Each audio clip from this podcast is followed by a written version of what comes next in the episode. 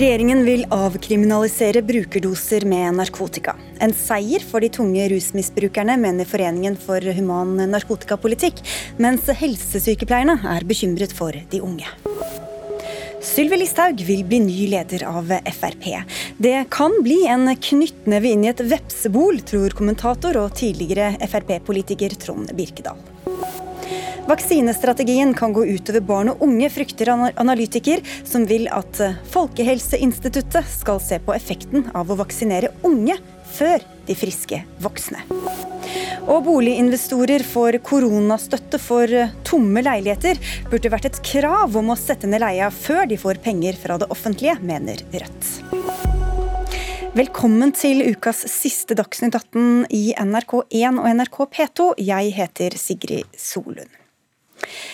Regjeringen vil avkriminalisere både bruk og besittelse av mindre mengder narkotika, i forslaget til ny rusreform. Det var i sin tid Stoltenberg-utvalget, ledet av Thorvald Stoltenberg, som i 2010 åpnet for å endre norsk narkotikapolitikk. De tankene ble videreført gjennom Rusreformutvalget, som avla sin innstilling til regjeringen i desember, og i dag kom altså oppfølgingen, nemlig forslaget fra regjeringen. Arild Knutsen, du er leder i Foreningen for human narkotikapolitikk og har arbeidet for en rusreform i mange år. og du ble takket på pressekonferansen i dag. En historisk dag, sier du. Hvorfor er det det? Ja, dette er en så stor dag fordi det er så usannsynlig at vi skulle komme dit, eh, slik den politiske situasjonen var for bare noen få år siden. Og det har vært en veldig hard og møysommelig prosess. og ja, Jeg, jeg syns det er helt utrolig, men det er jo fordi vi har hedersmenn og politikere stadig etter Thorvald Stoltenberg som fyller skoene, og det er eh, sånn som Bent Høie. Eh, det er det er veldig veldig stort, men det aller viktigste det er jo at dette er nok det politikkområdet og den politiske endringen som vil bety mest i vår tid. I forhold til velferd, i forhold til helsesituasjon, i forhold til å avverge dødsfall. Jeg tror dette, jeg tror dette er vår tids største ja, det, det sies det er vår tids største sosialpolitiske reform. Det er vår tids velferdsreform. Det er enormt. Bent Høie, helse- og omsorgsminister, du kan jo få returnere komplimentene her. Da for du takket bl.a. Arild Knutsen ja. i dag. Hva, hva, har alt dette arbeidet fra ham og andre betydd for at, at, at politikerne også skulle snu i synet på dette? Det har betydd alt, egentlig. fordi Arild har stått veldig mye alene i denne kampen. De første årene så var det veldig få som ville høre på Arild, eh, og jeg var en av de. Eh, så vi har jo vært i uendelig mange debatter om norsk ruspolitikk der jeg har vært imot denne reformen. Eh, men Arild ga aldri opp. Og til slutt så, så, måtte jeg innrømme at han hadde rett og jeg hadde feil. fordi alt kunnskapsgrunnlaget som jeg hadde tilgang på, ikke minst etter jeg ble helseminister, fortalte meg at sånn som jeg hadde argumentert, det var det ikke kunnskapsgrunnlag for. Og når jeg da lytta til Arild og de andre rusorganisasjonene, det var egentlig det som fikk den lille dråpen, eller den store dråpen som fikk meg til å snu, var rett og slett at alle rusorganisasjoner i Norge, altså for de som faktisk har vært rusavhengig, gikk sammen og sa i en kronikk at dette er den reformen vi trenger nå. Og da, da, bestemte jeg for at nei, nå må jeg faktisk ta konsekvensene av dette. Mm. For å se på litt innholdet i den reformen, da, hvordan, hva er det i den som kommer til å få noe å si for de som er rusavhengige i samfunnet vårt? Først og fremst så er det jo at vi ikke lenger skal straffeforfølges for bruk og besittelse til egen bruk eller kjøp av stoffer. Så det er jo veldig viktig. Det er, det er fortsatt forbudt. Politiet skal fortsatt avverge bruk av ulovlige rusmidler, men når de kommer over folk som bruker rusmidler, så skal de eh, henvende, eh, henvise dem til noen som kan tilby dem hjelp, istedenfor å påføre dem straff.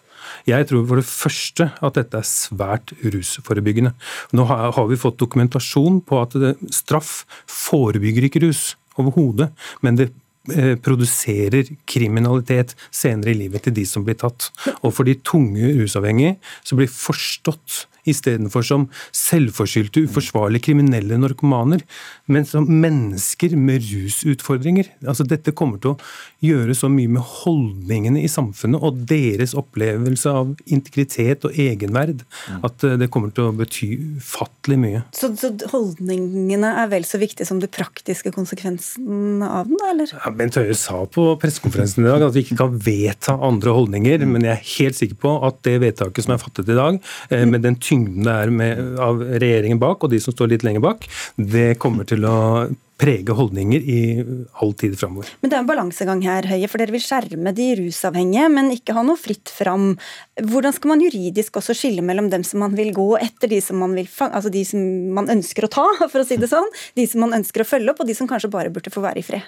Ja, altså, vi ønsker ikke å straffe de som har uh, brukerdoser til egen bruk, uansett hva som er situasjonen. Men noen har, har jo mer bruk, altså noen er jo bakmenn osv. Men de, som, de som selger, de får de samme straffene samfunnet som i dag. og Det vil være like straffbart. Og Det er jo noe av grunnen til at regjeringen har valgt å legge denne såkalt terskelverdien, altså hvor mye stoff du kan ha på deg, samtidig lavere enn det rusreformutvalget har foreslått. Nettopp fordi at vi har vært bekymra for at hvis vi hadde lagt oss så høyt, så kunne det kunne blitt utnyttet av noen av de som selges. og så for å motvirke den negative effekten av det for de som er rusavhengige, som faktisk trenger å ha litt større doser på seg, mm. så har vi etablert en ordning der de får eh, påtaleunnlatelse og ikke straff. Men disse, og det, er her mye av uenigheten ligger også, hvor store de dosene, lovlige dosene skal være. Arild Knutsen, det som regjeringa har lagt seg på det nivået nå, hva slags eh, konsekvenser får det for de som er rusavhengige, som tunge rusavhengige? Det er veldig viktig å skille mellom doser og mengdebegrensninger. fordi dette er for en tids forbruk, slik at de slipper å gå og oppsøke rusmarkedet hele tiden hver gang de skal ha seg en dose. For det, gjør bare at de blir utsatt for mange mer fristelser, og vi får enda mer narkotikakriminalitet og rusbruk i samfunnet. Så de har satt opp til en tids forbruk. Og jeg syns at regjeringen har vært veldig konstruktive og kloke og kommet kritikerne i møte. Strekker ut en hånd til eh, opposisjonen, de andre partiene, eh, i forhold til den kritikken som har kommet mot reformutvalget, og, og todelt eh, mengdebegrensningene. Slik på den ene måten har de tatt hensyn til både brukere og rusavhengige, at dette går det an å ikke være kriminalisert. Du må forklare litt, for de har sagt, det er to folk forklare den gråsonen og det som er det absolutte. Ja, så Rusreformutvalget satt jo noen grenser på fem gram av det og fem gram av det. og Det ble ganske mye kritikk mot det. De har satt grensen lavere, ca. halvert, og maks tre av stoffene, fordi de fleste rusmiddelbrukere bruker jo flere stoffer. Så det er for å hindre, eller, eller sikre at de kan leve sine liv uten å bli kriminalisert. På den andre siden så har de jo tatt hensyn til kritikerne, så det ikke bare skal bli, se ut som det blir type fritt fram, eller at man kan selge uten å bli tatt for det. Og Det er jo veldig viktig at fortsatt, hvis du blir tatt med en dose, men det er sannsynliggjøres av politiet at den er for videresalg, så skal det jo fortsatt straffes. Så det er en ganske konservativ og streng narkotikapolitikk, men samtidig så er den veldig humaniserende for rusmiddelbrukere. Men i dette forslaget så legges det opp til en del skjønn da, hos hver enkelt politibetjent som, som stanser en person med narkotika på seg? Ja, Hvis det er noen av den straffefrie mengden, så er egentlig det skjønnet ganske enkelt. Da er, da er det ikke straff. Da skal en eh, henvises videre til å få hjelp. Men det er riktig at i den mellomposisjonen som er lagt mellom den straffrie mengden og det som da er straffbart som i dag, der vil en eh, måtte bruke litt skjønn. og Det er for så vidt ikke veldig komplisert, men legger veldig klare føringer for det. Det vil si at Politiet, hvis de møter en person som de kjenner igjen, og som er kjent i rusmiljøet, som de vet er fanget opp av hjelpeapparatet, så blir det ikke straff, det blir påtaleunnlatelse. Og så hvis det er en person som de tenker han er ikke fanget opp av hjelpeapparatet, har behov for å møte den kommunale enheten, sånt, så, så vil det være en betingelse for påtaleunnlatelsen. Og da må man møte det. Mm. Men uh, man skal fortsatt kunne, altså hvis politiet tar noen med narkotika, så skal de fortsatt ta fra dem Det er helt riktig. Ja. så hvis du, hvis, for etter mange, Jeg vet at mange er spesielt, jeg tror veldig mange er enige oss når vi snakker om mennesker som har et rusproblem. Den store bekymringen for denne reformen i befolkningen, den handler om de unge. Og det er helt riktig. Hvis politiet f.eks. er på en festival, har mistanke om at her brukes narkotika, så har de mulighet til å gå og visitere en person. og Hvis de da finner narkotika som også er under den straffrie mengden, så, ta, så, skal de ta det fra vedkommende. Og Det samme hvis de finner det i telt eller sykkelvesken og sånne ting. Ok, du, Da ga du et, eh, et stikkord her, for vi skal takke deg, Arild Knutsen. Av smittevernhensyn så kan vi bare være to gjester i studio av gangen. Takk for at du kom. Vi snakket nå om de tyngste misbrukerne, så begynte du å snakke om de unge, eh, Bent Høie. For dem, det er en gruppe mange er bekymra for og opptatt av i forbindelse med denne reformen. Blant andre dere i landsgruppen av helsesykepleiere i Norsk Sykepleierforbund, hvor du er leder, Ann Karin Svang. Du er misfornøyd med deler av dette, og da særlig bekymret for dette som gjelder avkriminalisering når det kommer til de unge. Hva er det dere frykter? Det vi frykter er jo at, eller det som skjer, det vi føler skjer, det er det at vi fremdeles skal, uh, har fått beskjed om at vi skal hjelpe unge som uh, har problemer med, med, narkotika, men samtidig så fratar vi den verktøykassa vi har til å hjelpe dem. Uh, vi føler at det vi gjør i dag, vi gjør en god innsats med det her i dag, og vi føler også at det hjelper veldig mange unge. Vi tenker at forslag til ny rusreform vil føre til økt forbruk. Og det vil også føre til at vi vanskeligere får hjelp de som allerede har et stort problem. Så det vil gi mye dårligere helsemessig eh, hjelp til de som allerede har et problem. Hvorfor det? Fordi at vi eh, merker, vi som står ute i det her med begge beina til daglig, vi eh, ser at det er nettopp den bekymringa for reaksjon som er motivasjonen for å ta imot denne hjelpa. Ok, så det er ikke straffbart, men det er fortsatt forbudt. Og så skal man på en måte kommunisere det til, helse, til, til, til ungdommen, helse- og omsorgsminister Bent. Hvordan skal man gjøre det? Nei, Det tror jeg ungdom kommer til å forstå veldig godt. fordi de vil oppdage at eh, det er ikke noe sted å kjøpe narkotika lovlig. Hvis de blir stoppet av politiet, så blir de fratatt, og de får også en reaksjon eh, der de må møte opp eh, og, snakke med noen som kan hjelpe dem. Og jeg tror ikke at uh, ungdom er annerledes enn folk flest. og Når det kommer til helse, så vi, har vi veldig god dokumentasjon på at både straff, trusler og tvang er veldig lite effektivt for å bidra til at mennesker blir motivert til endring i sitt uh, liv. Så det er veldig rart for meg å høre at en skulle tro at når du er akkurat i den alderen der, så skal straff, tvang uh, hjelpe. Det mener jeg er det stikk motsatte av realiteten. og Heldigvis har vi nå et godt kunnskapsgrunnlag på både norsk og internasjonal forskning som forteller at det er ikke tilfellet. Ja, det er mye tung forskning som sier det helt motsatte også. Annet Folkehelseinstituttet har store innvendinger mot denne nye rusreformen. Sånn at det er jo todelt. Men det er ikke det men, de sier. Ja, men, men, det jeg skulle si om straff, eh, det er det at det er jo ingen som er interessert i å straffe. Men vi tenker at det er en måte å få hjelp på. Og alle som har hatt ungdom i hus eller har jobba med ungdom, vet at ja, ungdom er som andre folk, ja, på en måte. Men samtidig så er de i en fase av livet der de ser lite konsekvenser av det de gjør. Så de trenger ofte litt veiledning og hjelp underveis.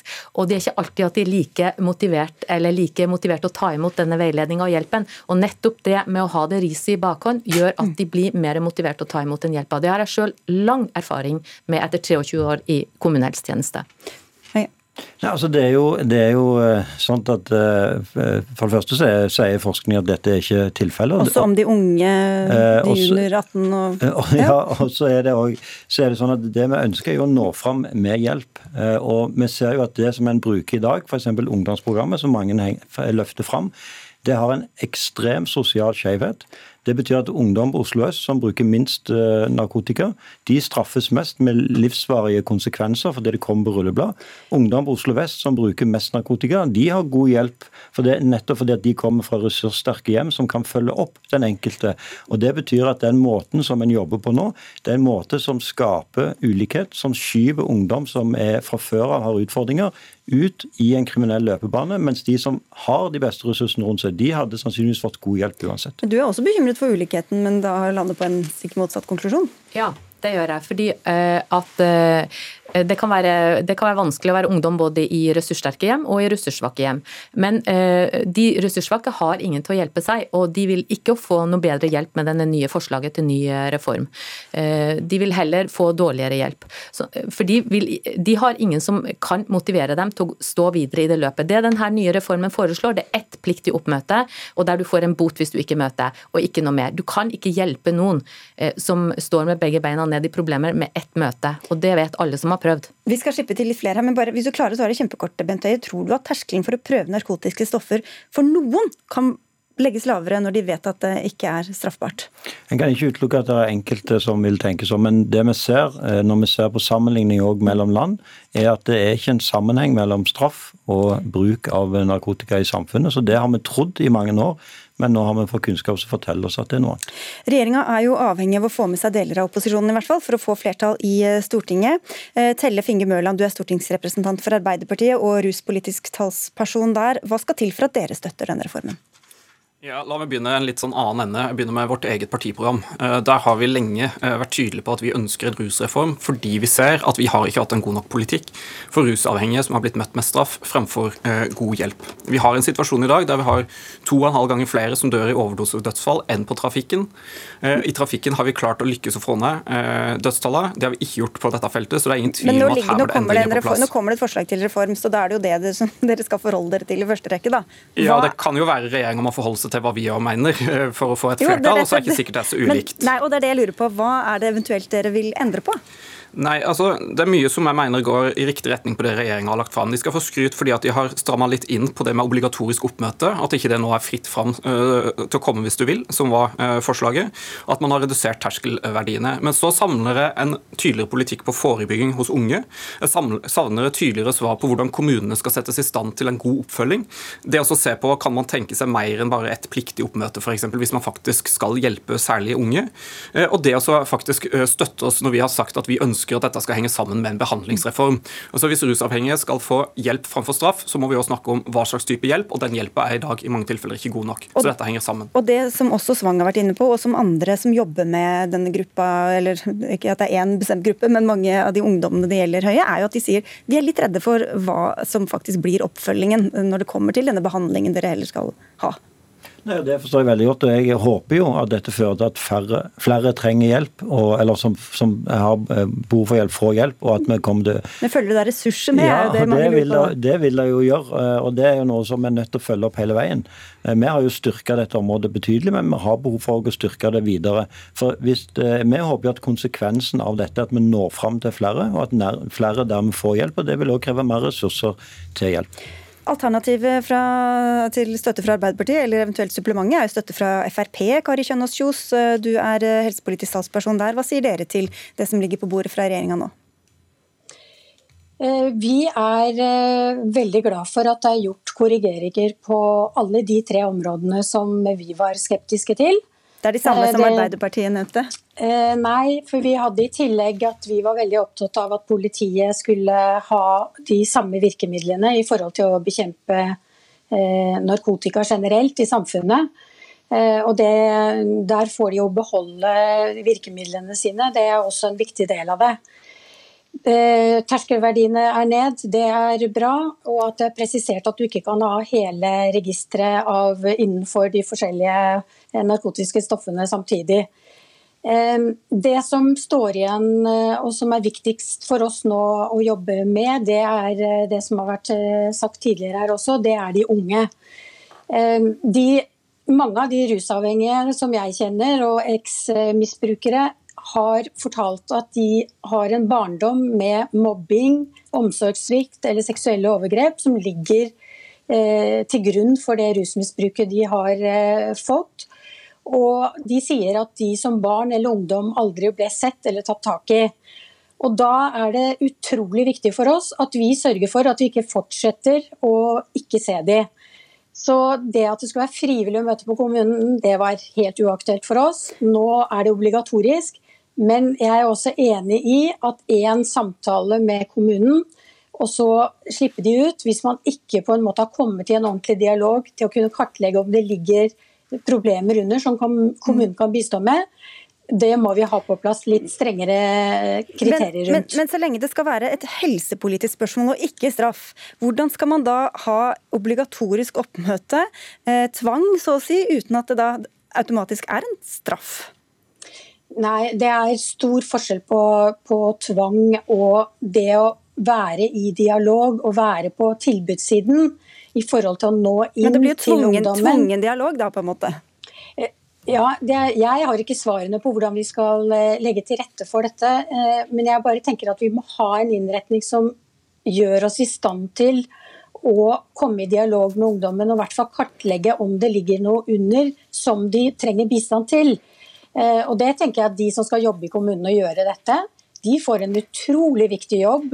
Eh, og de må være eh, av en sånn karakter at de når inn til ungdom. Da. Mm. At det ikke handler om å tvinge, at det ikke handler om at vi skal overstyre deg, men at vi er på tilbudssiden er det noe vi kan bistå med. Svang, Svang, du snakket jo om dette riset bak speilet, men hvorfor er det egnet til å opprette et sånn tillitsforhold egentlig mellom noen som skal hjelpe deg, og den ungdommen som kanskje ikke innser at eller vil ha hjelp? Fordi at Det handler om de samtalene vi kommer til, og hvordan vi klarer å legge opp de samtalene. Og Det syns jeg vi har klart veldig bra i dag. Eh, å gjøre noe med. Eh, så Vi snakker ikke om den straffa hele tida, men det er jo det som får dem til å komme. Tenker, altså jeg tenker at de kommer ikke til å møte opp på de neste samtalene. Og vi får ikke gjort noen ting i den ene samtalen. Det er helt bortkasta.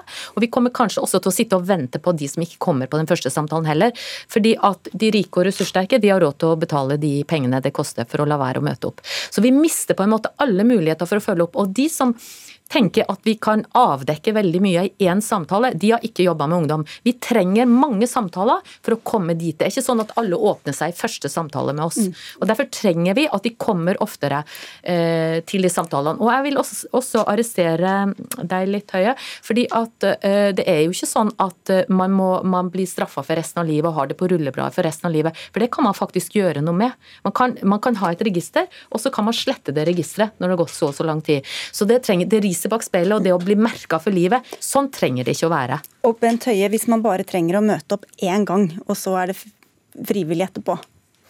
Ja, jo, Hvordan skal man klare å skape et bånd? Nå har nok jeg eh, kanskje et grunnleggende syn på at eh, mennesker ønsker eh, å eh, gjøre det beste ut av sitt eget liv. og det er klart at eh, Jeg tror jo at hvis mennesker blir møtt i samme øyehøyde uten en trussel om tvang, men med noen mennesker som de forstår er der for å ville hjelpe, så er det heller ikke vanskelig å bli motivert til å komme Eh, tilbake igjen. Og Det er jo det òg kunnskapen eh, forteller oss, at sånt, eh, sånt, er det.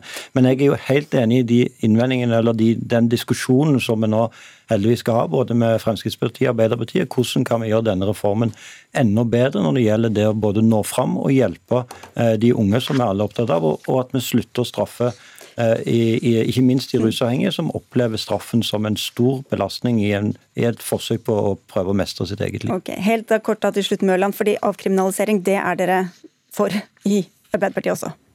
Vi har sagt at eh, vi ønsker å gå fra eh, straff til hjelp, opptatt av hva hjelpa eh, skal inneholde. Og så tror jeg i hvert fall personlig at vi er nødt til å lage loven universell, men så må vi ha oppfølginga og reaksjonene tilpassa den enkelte. Først da vil vi kunne klare å se enkeltpersonene og hjelpe best mulig. Takk skal dere ha, Bent Høie, Ann Karin Svang, Tellef Inge Mørland, Kari Kjønaas Kjos og Arild Knutsen som var innom her i stad. Det har, som vi har vært innom, vært en lang kamp for mange, og nå virker seieren nærmere for dem som har ivret for avkriminalisering. Men er den innen rekkevidde? Kanskje får vi svar nå, når vår politiske kommentator eh, Magnus Takvam eh, setter seg ned. Hvilke muligheter har regjeringa til å få gjennom denne reformen i Stortinget? Det er litt vanskelig å svare på. Jeg tror de får igjennom eh, hovedprinsippet, eh, som vi også hørte eh, Arbeiderpartiets representant her si, at de i prinsippet går inn for en omlegging fra straff til helsehjelp for de som har stoff bare til eget bruk. Men jeg kan jo bare si at det er klart at dette handler om en veldig stor eh, reform, et slags sånn paradigmeskifte i, eh, i, narkotikapolitikken i Norge. Og det er veldig stor usikkerhet, vil jeg tro, hos mange om, om, om hva egentlig konsekvensene blir. Det var jo denne diskusjonen her et eksempel på. Så, så jeg, i, i utgangspunktet er det synd, eller krevende hvis det liksom blir, blir, bare et knapt flertall for en så uh, vidtrekkende reform, etter min mening. Og da er det nok en del som mener uh, at det å da komme til Stortinget med en lovproposisjon, det gir ikke det handlingsrommet som en melding med eh, omfattende høringer og så eh, tilbakemeldinger, og den prosessen som, som, gjør at man kan ha mye mer faglig innspill i Stortinget, liksom, eh, gjør at det er en krevende behandling å kun ha det som en lovproposisjon. Men jeg tror Arbeiderpartiet til slutt kommer til å skal vi si, stille seg bak eh, kanskje en noe endret modell til slutt. da. Og så, hvem er det, altså KrF har vel sagt at de håper opposisjonen vinner fram, ja. og Senterpartiet er veldig skeptisk. Hva er det, er det de som er med, stritter mest, mest imot eh, reform her? Altså, KrF har jo, eh, og det var veldig oppsiktsvekkende, syns jeg, at de går ut i mediene og sier at de eh, er lojale mot regjeringsplattformen der dette er en del av den, men håper liksom at Stortinget skal, skal si nei KrF tapte jo veldig mange av sine saker da Fremskrittspartiet gikk ut av regjering for et år siden. Både den bioteknologiloven og nå denne rusreformen er midt i hjertesakene for, for KrF. Så, så, det er en effekt av, av, at det nå er en mindretallsregjering som er slitsomt for, for KrF. Eh, Senterpartiet har jo eh, Jeg tror de fanger, fanger opp en, en en skepsis i befolkningen mot det inntrykket som er skapt av at det skal bli lov å bruke narkotika. liksom. Altså at det, det fester seg hos folk, og det, det, det, fanger nok Senterpartiet opp. Og er skeptiske til, til, det av den grunn. Og Det er noe av det som er den pedagogiske utfordringen for regjeringen, føler jeg her, og for alle som er tilhengere av dette, selv om alle ser at intensjonene er veldig gode å forklare nettopp dette skillet mellom at det ikke er straffbart, men ulovlig samtidig. Eh, så det er en, tror det kommer til å bli en ganske stor diskusjon før man ender opp med, med fasit her. Altså. Du snakket jo selv også om et paradigmeskifte, mm. og, og, vi hørte i begynnelsen her om hvordan Bent Høie og andre har liksom latt seg overtale eller overbevise. Eh, hva tror du skyldes at ånden har snudd i denne saken? Jeg tror nok eh, for det første at i hvert fall er det en ganske stor enighet om at narkotikapolitikken i Norge ikke har vært en kjempesuksess. Det er så mange eh, tragiske utslag av den at det å straffe tunge rusavhengige er ikke eh, metoden. De er, de er, syke, og de trenger helsehjelp. Slik at alle partier er tilhengere av den, det skillet, og, og ikke straffe da de rusavhengige. Men så er da utfordringen, når man skal behandle Eh, de som bruker disse brukerdosene likt, at det er en usikkerhet om, om, hvilke signaler det gir til de unge, og om behandlingsapparatet for de som er i faresonen er godt nok rundt omkring i kommunene, rett og slett. Og Det skal de nå diskutere i Stortinget. Takk skal du ha for at du kom, Magnus Takvam.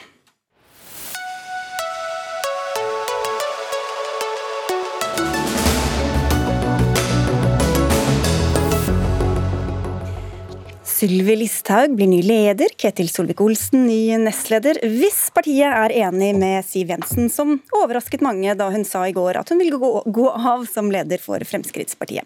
På en pressekonferanse i dag sa begge de to utvalgte at de gjerne vil ta på seg vervene dersom de får partiet med seg. Sylvi Listhaug og Ketil Solvik-Olsen, velkommen i studio. Tusen takk. Kanskje litt tidlig å gratulere, eller? Ja, det er for tidlig. Landsmøtet er i mai. Vente med det, da. Solvik-Olsen, du har tidligere hatt sentrale verv eh, i partiet. Nå er du konstituert fylkesleder i eh, Oslo Frp. og du snakket, Dere hadde da en felles pressekonferanse i dag. Da snakket du mye om verdien av uenighet og bredde i partiet. Hva vil du si er de største forskjellene på dere to? Verdien av uenighet er ikke at vi skal være uenige i seg selv, men at vi har et bredt perspektiv, sånn at når vi tar beslutninger, så har vi sett saken fra flest mulig synspunkt. Og Hvis du har en partiledelse der alle er kopier av hverandre, så vil du ikke kunne se like mye ting som må avveies. Det som jeg tenker med, Når jeg snakker med Sylvi, vi har jo 20 års erfaring sammen eh, i politikken, så vi kjenner hverandre godt sånn sett. Vi står veldig støtt på partiprogrammet, og alle som er enig i FrPs program, uavhengig av hva du kaller deg, er velkomne til å være med i, i vår felles kamp. Så er nok Sylvi og jeg litt eh, ulike i måten vi ordlegger oss på. Jeg eh, bruker det jeg kaller innestemme litt oftere. Jeg er gjerne litt mer omstendelig i måten jeg snakker på, liker godt å ha de lange resonnementene og de dype detaljene. Mens Sylvi nok er litt mer eh, litt spissformulert og litt liksom tar den, tar den kjappere versjonen. Jeg tror ja, over, Overskriften og det mer lettfattelige var vel jo, det du ordene brukte i dag jo, også. Ikke sant? Men, men, jeg tror jo at liksom, i et land med 5,5 millioner innbyggere, så har du alle typer velgere. og Noen ønsker å høre de lange resonnementene og syns at liksom, det å høre en professor og akademiker snakke er noe av det kjekkeste, for da får du virkelig dybden. Andre vil ha det på to minutter. Og Der klarer vi å kommunisere den samme politikken, men på ulik måte da tror jeg òg vi favner flere. Ja, Sylvi Listhaug, tar du det som et kompliment, eller? ja, det, nei, men det, er det som alltid vil styrka til Frp, at vi har hatt ulike personlighet, ulike politikere som har litt ulik stil. Og da kan du også favne bredere ut mot velgermassen. Men politikken er den samme. Men, ja, Unnskyld, jeg trodde du fant Nei, det punktum, det var bare at du trakk pusten? Ja, jeg, tenker, må det av og til. Men det som er viktig framover, det er at vi skal være det blå alternativet. Som uh, sikrer en avgiftspolitikk som ikke rammer mest de som, er, altså de som har lite. Uh, og det er der vi er bekymra i klimapolitikken okay. nå, når vi ser at avgiftsnivået skal kraftig opp. Men det er stortingsvalg til høsten. Da dere gikk ut av regjering, så sa du at det føltes som å slippe ut av fengsel. Synes du nå at Frp bare bør dyrke opposisjonsrollen i fire nye år? Jeg syns det var fantastisk å sitte i regjering de fire første åra sammen med Høyre. Vi fikk til utrolig mye. Vi styrte Norge gjennom den største migrasjonskrisa. Mm. Gjennom Men nå snakker vi om de fire olje... neste årene, nye årene som kommer.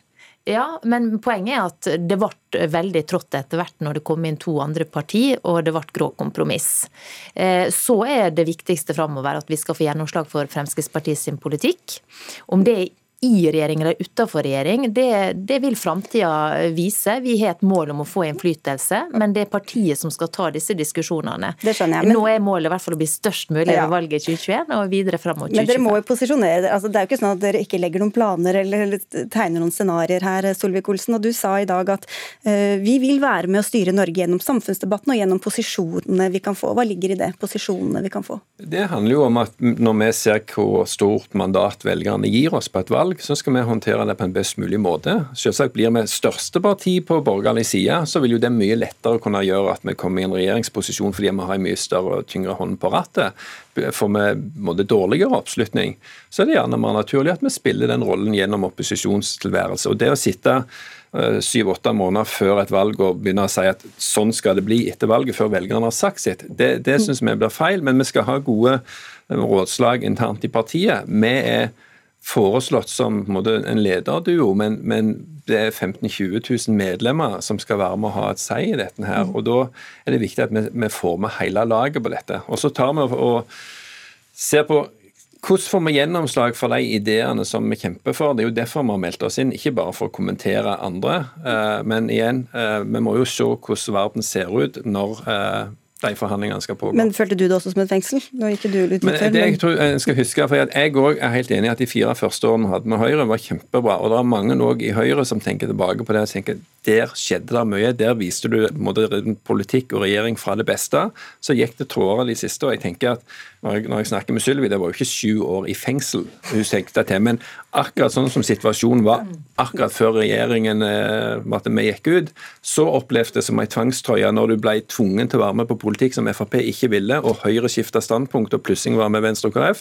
Da er det ganske godt å komme ut av det grepet. Mm. Men når vi ser på alt det vi fikk til, så det er ingen tvil om at det å komme inn i en posisjon der vi kan ha en god regjeringsplattform, ha mye makt bak kravene, er en god måte å få gjennomslag for politikken. Men ikke bare for å sitte i regjering, det er for å få gjennomslag for innholdet. Men for å se på hva dere fikk til, for du gikk jo også hardt ut i dag mot det du kalte sløsing av skattepenger. Under mm. Siv Jensen som finansminister har jo ikke bare avgiftene økt, men også den offentlige pengebruken har gjort det i stort monn. Hva gjør det med troverdigheten deres, samtidig som dere advarer mot offentlig pengebruk? Og Det er jo litt av vår utfordring. fordi at Når NRK og andre gir inntrykk av at avgiftene øker, økte fordi Frp satt i regjering, når alle som har fulgt med fremleggelsen av budsjettene fra regjering, vet at regjeringen foreslo kutt, og så har avgiftene gått opp etter forliket i Stortinget. Dere har brukt godt med penger i løpet av det siste året når Men dere har hatt håndapparatet i Stortinget, da. Det er to forskjeller her. For Det ene er jo at vi har kjempa for reduserte skatter og avgifter. Og det vi har lagt fram fra regjeringen, så har gitt reduksjon. Så har det blitt økt i, i Stortinget fordi vi ikke har hatt flertall alene. Det at utgiftene har økt, ja det er riktig. Fordi at vi har gått til valg på at vi skulle investere mer i Norge. Det har vært en del av vår ville politikk å ha litt mindre plassert i finansformue i utlandet og litt mer i realkapital i Norge. Til tross for det til tross for at vi har økt budsjettene, så har også oljefondet blitt mer enn dobla mens vi har sittet i regjering. Nå er det altså over 10 000, nesten 11 000 eh, milliarder kroner spart til framtida. Mm. Og vi bruker litt mer av det på investeringer, så syns vi det er bra. Men, de skal... men der, vi, der, der vi òg mener at vi burde fått til enda mer, så er jo det i kutt i byråkrati, kutt i en del av den bistanden som går Og byråkratiet har også vokst under deres regjering, ja. da. Så, men, jo, men bare for å se, på det store hele Men du kommer med en påstand, og hvis du ser på en del av de tingene vi gjorde, f.eks en påstand, det er jo, jo tall. Nei, nei, fordi at du må klare å se forskjell på offentlig ansatte som er politier, professor og lignende, og de som sitter og rene papirflyttere og, og formyndere, og antall papirflyttere og formyndere har gått ned. Når du ser på antall ansatte i Statens vegvesen, så er det blitt redusert. Antall ansatte i, i Samferdselsdepartementet har gått ned. Men det er flere som bygger vei, mm. og det er jo bra. Så, så liksom, Vi må se hva rolle folk har før en gir det inntrykk av at det er negativt. Men du sa Listhaug også at du var vokst opp på gård og lærte til å overlate alt i bedre stand enn det du tok over enn da du mottok det. Så snakker dere da, for å følge opp her, om mer penger til hel, held, eldre og helse, det ble en heldre. Mm. medisiner, veier, skoler, sykehus. Og ta de pengene som du egentlig skal overlate da, til den neste generasjonen. Det vi ikke vil være med på, er å sende milliarder på milliarder ut av statskassa til ulike klimasymboltiltak. Ja, men du, jo, men du, du skjønner hva jeg mener. Altså, du vil overlate, de, du, Dere vil ta av de pengene som egentlig skal gå til neste generasjon, som du sier at skal få mer enn det Nei, egentlig dere har Vi vil bruke penger som i dag blir brukt feil, enten det er til dyre klimatiltak tiltak, eller det er til bistand, som vi mener bør kuttes kraftig, eller det er til å bygge ned byråkratiet, det mener vi skal brukes på å bygge landet. Bygge vei, infrastruktur eh, og satse på eh, helse og eldreomsorg.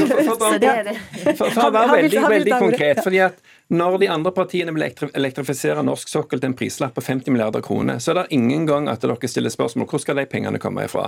Når en ønsker å bygge eh, CO2-renseanlegg til 20-25 milliarder kroner, så er det òg bare liksom, ja, men det er greit. Når, når, når venstresida med Rødt, MDG og SV og andre partier ønsker å legge ned oljenæringen, som vil gi altså tape 5000 milliarder kroner i inntekter, så blir det heller ikke diskutert hvor skal dere da samtidig kutte i Det tror jeg, det, tror jeg mange er uenig i at ikke det blir diskutert. Men jeg vil bare... Ja, men jeg har hørt, jeg har hørt når dere har diskutert og dere har aldri utfordret MDG på hvor skal dere, dere samtidig kutte. Nei, for det eneste kuttet dere snakker om da, er CO2, men ikke i velferd. Og det er der mange av de tingene som vi nå Nå debattant her. ja, det kan vi kan være uenige i. Men poenget er at mye av det vi ønsker å satse på, handler litt om omprioritering, mm. og litt om at vi faktisk mener det er bedre å ha investert vår egen kapital i norske veier, norske bygninger, enn i finanskapital i utlandet. Ok, Dere, dere skal snart få slippe ut herfra, men Siv Jensen pekte altså på dere som ny leder og ny nestkommanderende noen har snakket sammen. Hvordan tror du det ser ut rundt i partiorganisasjonen Sylvi Listhaug? Det er også partiet som skal ta stilling til hvem som skal lede Fremskrittspartiet framover på landsmøtet i mai. og Det står selvfølgelig partiet helt fritt til. Og så har jo Siv Jensen har kommet med sine anbefalinger. Men eh, det er opp til partiet til syvende og sist. Men Hvor lett blir det å komme med motkandidater eller ønske om rokering nå etter at det har vært så tydelig signalisert? Det er jo en helt eh, vanlig prosess i Fremskrittspartiet med en valgkomité som jobber med en innstilling, som så skal opp eh, til, eh, til behandling på landsmøtet.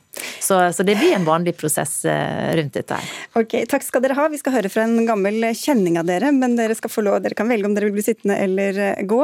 Trond eh, Birkedal, du har tidligere hatt sentrale verv i Frp, bl.a. som leder av ungdomsorganisasjonen FPU. Nå er du ikke med i noe parti, men du er politisk kommentator, bl.a. som gjestekommentator i Stavanger Aftenblad. For å ta dette siste først, hvordan tror du det blir mottatt i partiet at Siv Jensen da peker på hvem hun vil at skal følge etter henne, og de takker ja? Det blir jo ikke en, eh, ikke en lett start for uh, Sylvi Listhaug uh, å overta som leder. Når, når, det skjer på den måten at, at Siv Jensen har nærmest kronet henne før landsmøtet. Og en kan jo si hva en vil om at det blir en demokratisk prosess, og til slutt så er det landsmøtet som bestemmer, og valgkomiteen skal komme med sin innstilling. Men det er jo ingen som er i tvil om at det er Sylvi Listhaug som overtar lederklubber i Frp på landsmøtet i mai. Og Hvorfor tror du at Siv Jensen pekte på nettopp henne?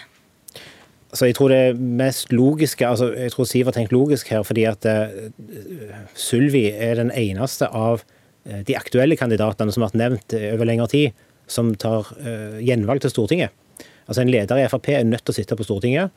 Uh, Solvik-Olsen har sagt nei til Stortinget. Jon Georg Dale har sagt nei til Stortinget. Terje Søviknes er ikke aktuell for Stortinget det er Sylvi Listhaug som er den som sitter på Stortinget, som, er, som og skal fortsette på Stortinget, som er den eneste aktuelle kandidaten. Så Det er ikke kontroversielt å si det, men det legger en demper på den uh, prosessen som jeg tror folk i Fremskrittspartiet har behov for, og føler at de er med på fram til landsmøtet.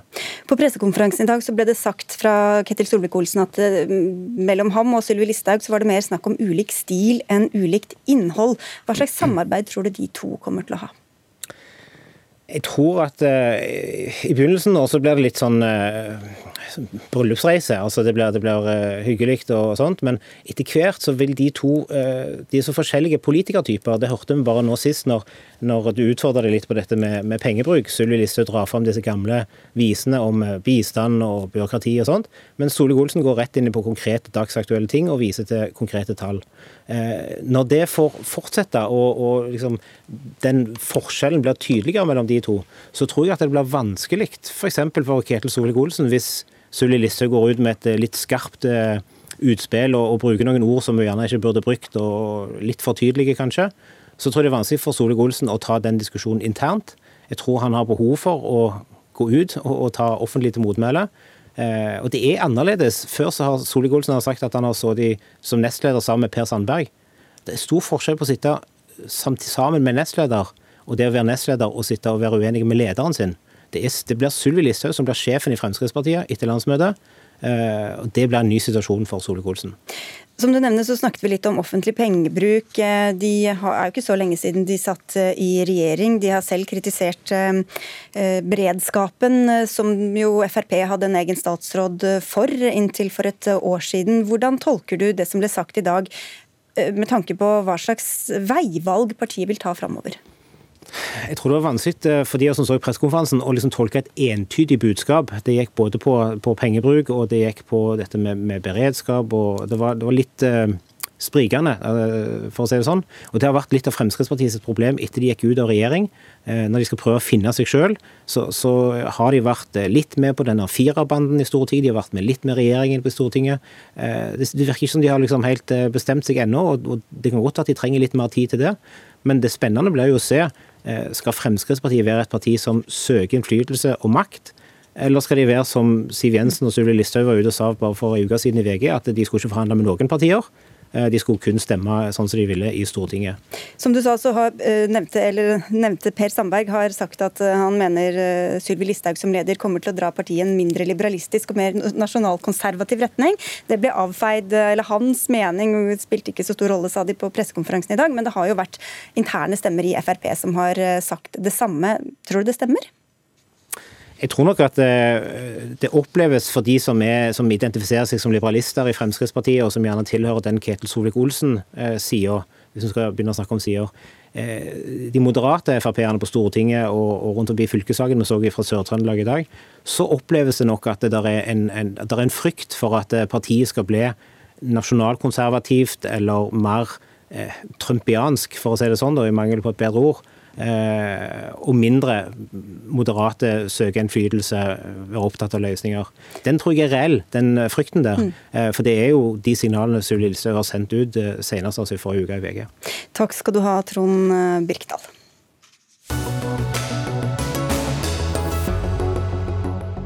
I dag kunne vi høre om et stort koronasmitteutbrudd blant barn og unge på Oslo vest. De lokale smittesporerne hadde så mange nærkontakter å ringe til i forbindelse med utbruddet at de måtte få hjelp fra helseetaten. Men selv om barn og unge er de som er i kontakten med flest mennesker, er det ikke en del av vaksinestrategien til Folkehelseinstituttet. Og den strategien kan gå hardt utover unge mennesker, skriver du og flere kolleger i tidsskriftet Den norske legeforening, Snorre Eikeland. Du er analytiker i Helse Stavanger. Dere stiller ikke spørsmål ved strategien om å vaksinere eldste og sykeste først, og så helsearbeidere, men ber Folkehelseinstituttet å se på effekten av å vaksinere unge før friske voksne. Hvorfor det? Først og fremst fordi at eh, vi ønsker å ha mer kunnskap om det. Nå er enkelte vaksiner godkjent fra 16 år og oppover, og en gjør studier på 12 år og oppover. Og En av de tingene som, som man kan gjøre, er jo å regne på på effekten av forskjellige strategier. Eh, og vi mener det at det, det, er veldig lurt å inkludere alle som kan få vaksine i disse vaksinemodellene. fordi at eh, en måte å, å hindre spredning av viruset på, hvis vaksinen virker mot videre spredning òg, så er det jo effektivt å vaksinere de som har mange kontakter. og Det er i utgangspunktet ungdom, de som har flest kontakter. Og en prøver jo nå å skåne dem mest mulig med å få uh, ha mest mulig åpent for dem, sånn at de beholder flere kontakter enn, enn de som, som, sitter på hjemmekontor. Og Hvorfor er de da ikke inkludert i denne strategien, Preben Ovitsland, du er overlege og professor ved Folkehelseinstituttet? Eh, grunnen til det er jo først og fremst at det, det finnes ikke noen vaksine som vi kan gi til barn enda. Så, og hvis det kommer, at det blir godkjent noen vaksine for barn, så er det klart at vi skal ta med det i regnestykkene våre. Det, det er helt uproblematisk. Ja, Det er litt vanskelig å beregne når ikke det er noen vaksine der, Eikeland? Det er ikke nødvendigvis eh, vanskelig å beregne. Du kan jo gjøre antakelser. Det er jo en av de fine tingene med, med, Men hva, hva er poenget hvis ikke det finnes noen vaksine? Jo, eh, men det, det er jo det som er Nå er vel Pfizer godkjent fra 16 år og oppover. Eh, Sånn at 16- og 17-åringer bør jo gjerne være med i, i regnestykket. Det kan godt hende de er det allerede i, i modellene som FHI nå ser på, men i den foreløpige vaksinestrategien så, så var det ikke, ikke skrevet at de var det. Da var det antatt at ingen under 18 ville bli tilbudt vaksine. Men noe av bakgrunnen her er vel også at dere sier sånn, at, sånn som vaksinestrategien er nå, så kan det føre til at unge kommer til å bære mer av tiltaksbyrden i tiden som kommer. Hva er sammenhengen her? Sammenhengen her er jo det at det er rimelig å anta at dersom en fremdeles har utbrudd eh, når flere, eh, altså når flere og flere blir vaksinert, så, så må en jo ha tiltak mot det, enten generelle eller spesifikke. Sånn, at eh, når det ikke er noe spesiell beskyttelse i befolkningen blant, eh, blant ja, på videregående skole med 16- og 17-åringer, hvis en da får et smitteutbrudd på disse videregående skolene og en, eh, og en frem, fremdeles har behov for å holde smittetrykket nede, så må en jo gjerne sette hele skoleklasser eller hele, hele skoler i karantene igjen. og Det er jo en tiltaksbyrde, mens eh, en har mindre og mindre behov for det gjerne i de gruppene som er vaksinert. Ja, ikke sant? De som ligger lengst bak i køen, er de som må tåle tiltakene lengst, eller hva, Hovidsland? Jo da, sånn er det. Men så skal vi huske på at eh, grunnen til at noen står først i køen, og som står, at noen står langt framme i køen, det er jo at de har størst risiko for alvorlig sykdom hvis de blir smitta. Barn har, ikke, har veldig, veldig lav risiko for alvorlig sykdom og alvorlig forløp av denne infeksjonen. Så Derfor så, så stiller de langt bak i køen. Men igjen så er det altså at eh, vi, vi har ikke noen vaksine å tilby til barn nå. Så snart det kommer, og hvis det kommer noen vaksine til barn, så skal vi selvfølgelig ta det med i våre regnestykker. Og vi skal eh, vurdere da også tilby vaksiner til barn også. Men vi syns også det, det, er nødvendig også eh, Det er jo et halvt år nå til de fleste nordmenn eh, har fått tilbud om vaksine. Og vi kan koste på oss å se litt hvordan dette går, hvordan det blir med epidemien og smittespredninga utover, istedenfor å ta noen store avgjørelser nå, basert på noen matematiske modeller. Ja, hvis vi bare tenker oss at foreldre og besteforeldre er vaksinert, de kan potensielt eh, reise kanskje på tvers av landegrensene, men barn og ungdom ikke er vaksinert, hva, hva skjer da? I en sånn situasjon så vil det jo høyst sannsynlig være veldig lite smittespredning i samfunnet. Og Dermed så vil barna eh, være for det første ha lite sannsynlighet for å bli smitta. Og hvis de blir smitta, så har de lite sannsynlighet for å få alvorlig sykdom. Så da må vi vurdere å, å, altså, hvilken risiko man tåler med å ta med barna på ferie, f.eks. Hvis de da har både liten sannsynlighet for å bli smitta og liten sannsynlighet for å bli alvorlig syke. Ja, Hvis ikke de blir noe særlig syke, Eikeland, og hvis de som barna som har underliggende sykdommer får vaksine dersom den fins, da, er det så farlig å vaksinere den yngste generasjonen? Jeg vet ikke på uh, Nei, altså vi Det er jo individuelt så er det jo mindre, uh, mindre effektivt for den personen som blir vaksinert, og å begynne å vaksinere ungdom først. Det er jo først en Vi tenker først og fremst det, det er at det kan være en indirekte beskyttelse. Hvis, uh, nå har vi jo hørt i, i hele høst at ungdom må tenke på ikke og tenke på smitteverntiltak de òg, fordi at selv om de, de, ikke blir syke, så kan det gjerne smitte de voksne uh, og besteforeldre som er. Og, og, og det er jo det, det vi tenker på at det, det, kan være interessant å se på det og få kunnskap om hvordan dette kan fungere. Ok, og Hvis, han, hvis du klarer å være helt kort, kom, vil dere ta flere, også denne gruppa inn i beregningene, om ikke annet? Jo da, det skal vi gjøre etter hvert. Og, og jeg skjønner hva Eikeland sier, at det kan være fornuftig å, å se på uh, nytten av å vaksinere ungdom som har mange kontakter, og som mm. På mange måter har drevet epidemien i høst. Så dette skal vi se En dynamisk prosess som vi har hørt mange ganger. Takk skal dere ha, Snorre Eikeland, molekylærbiolog og analytiker i Helse Stavanger, og Preben Aavitsland fra, Folkehelseinstituttet.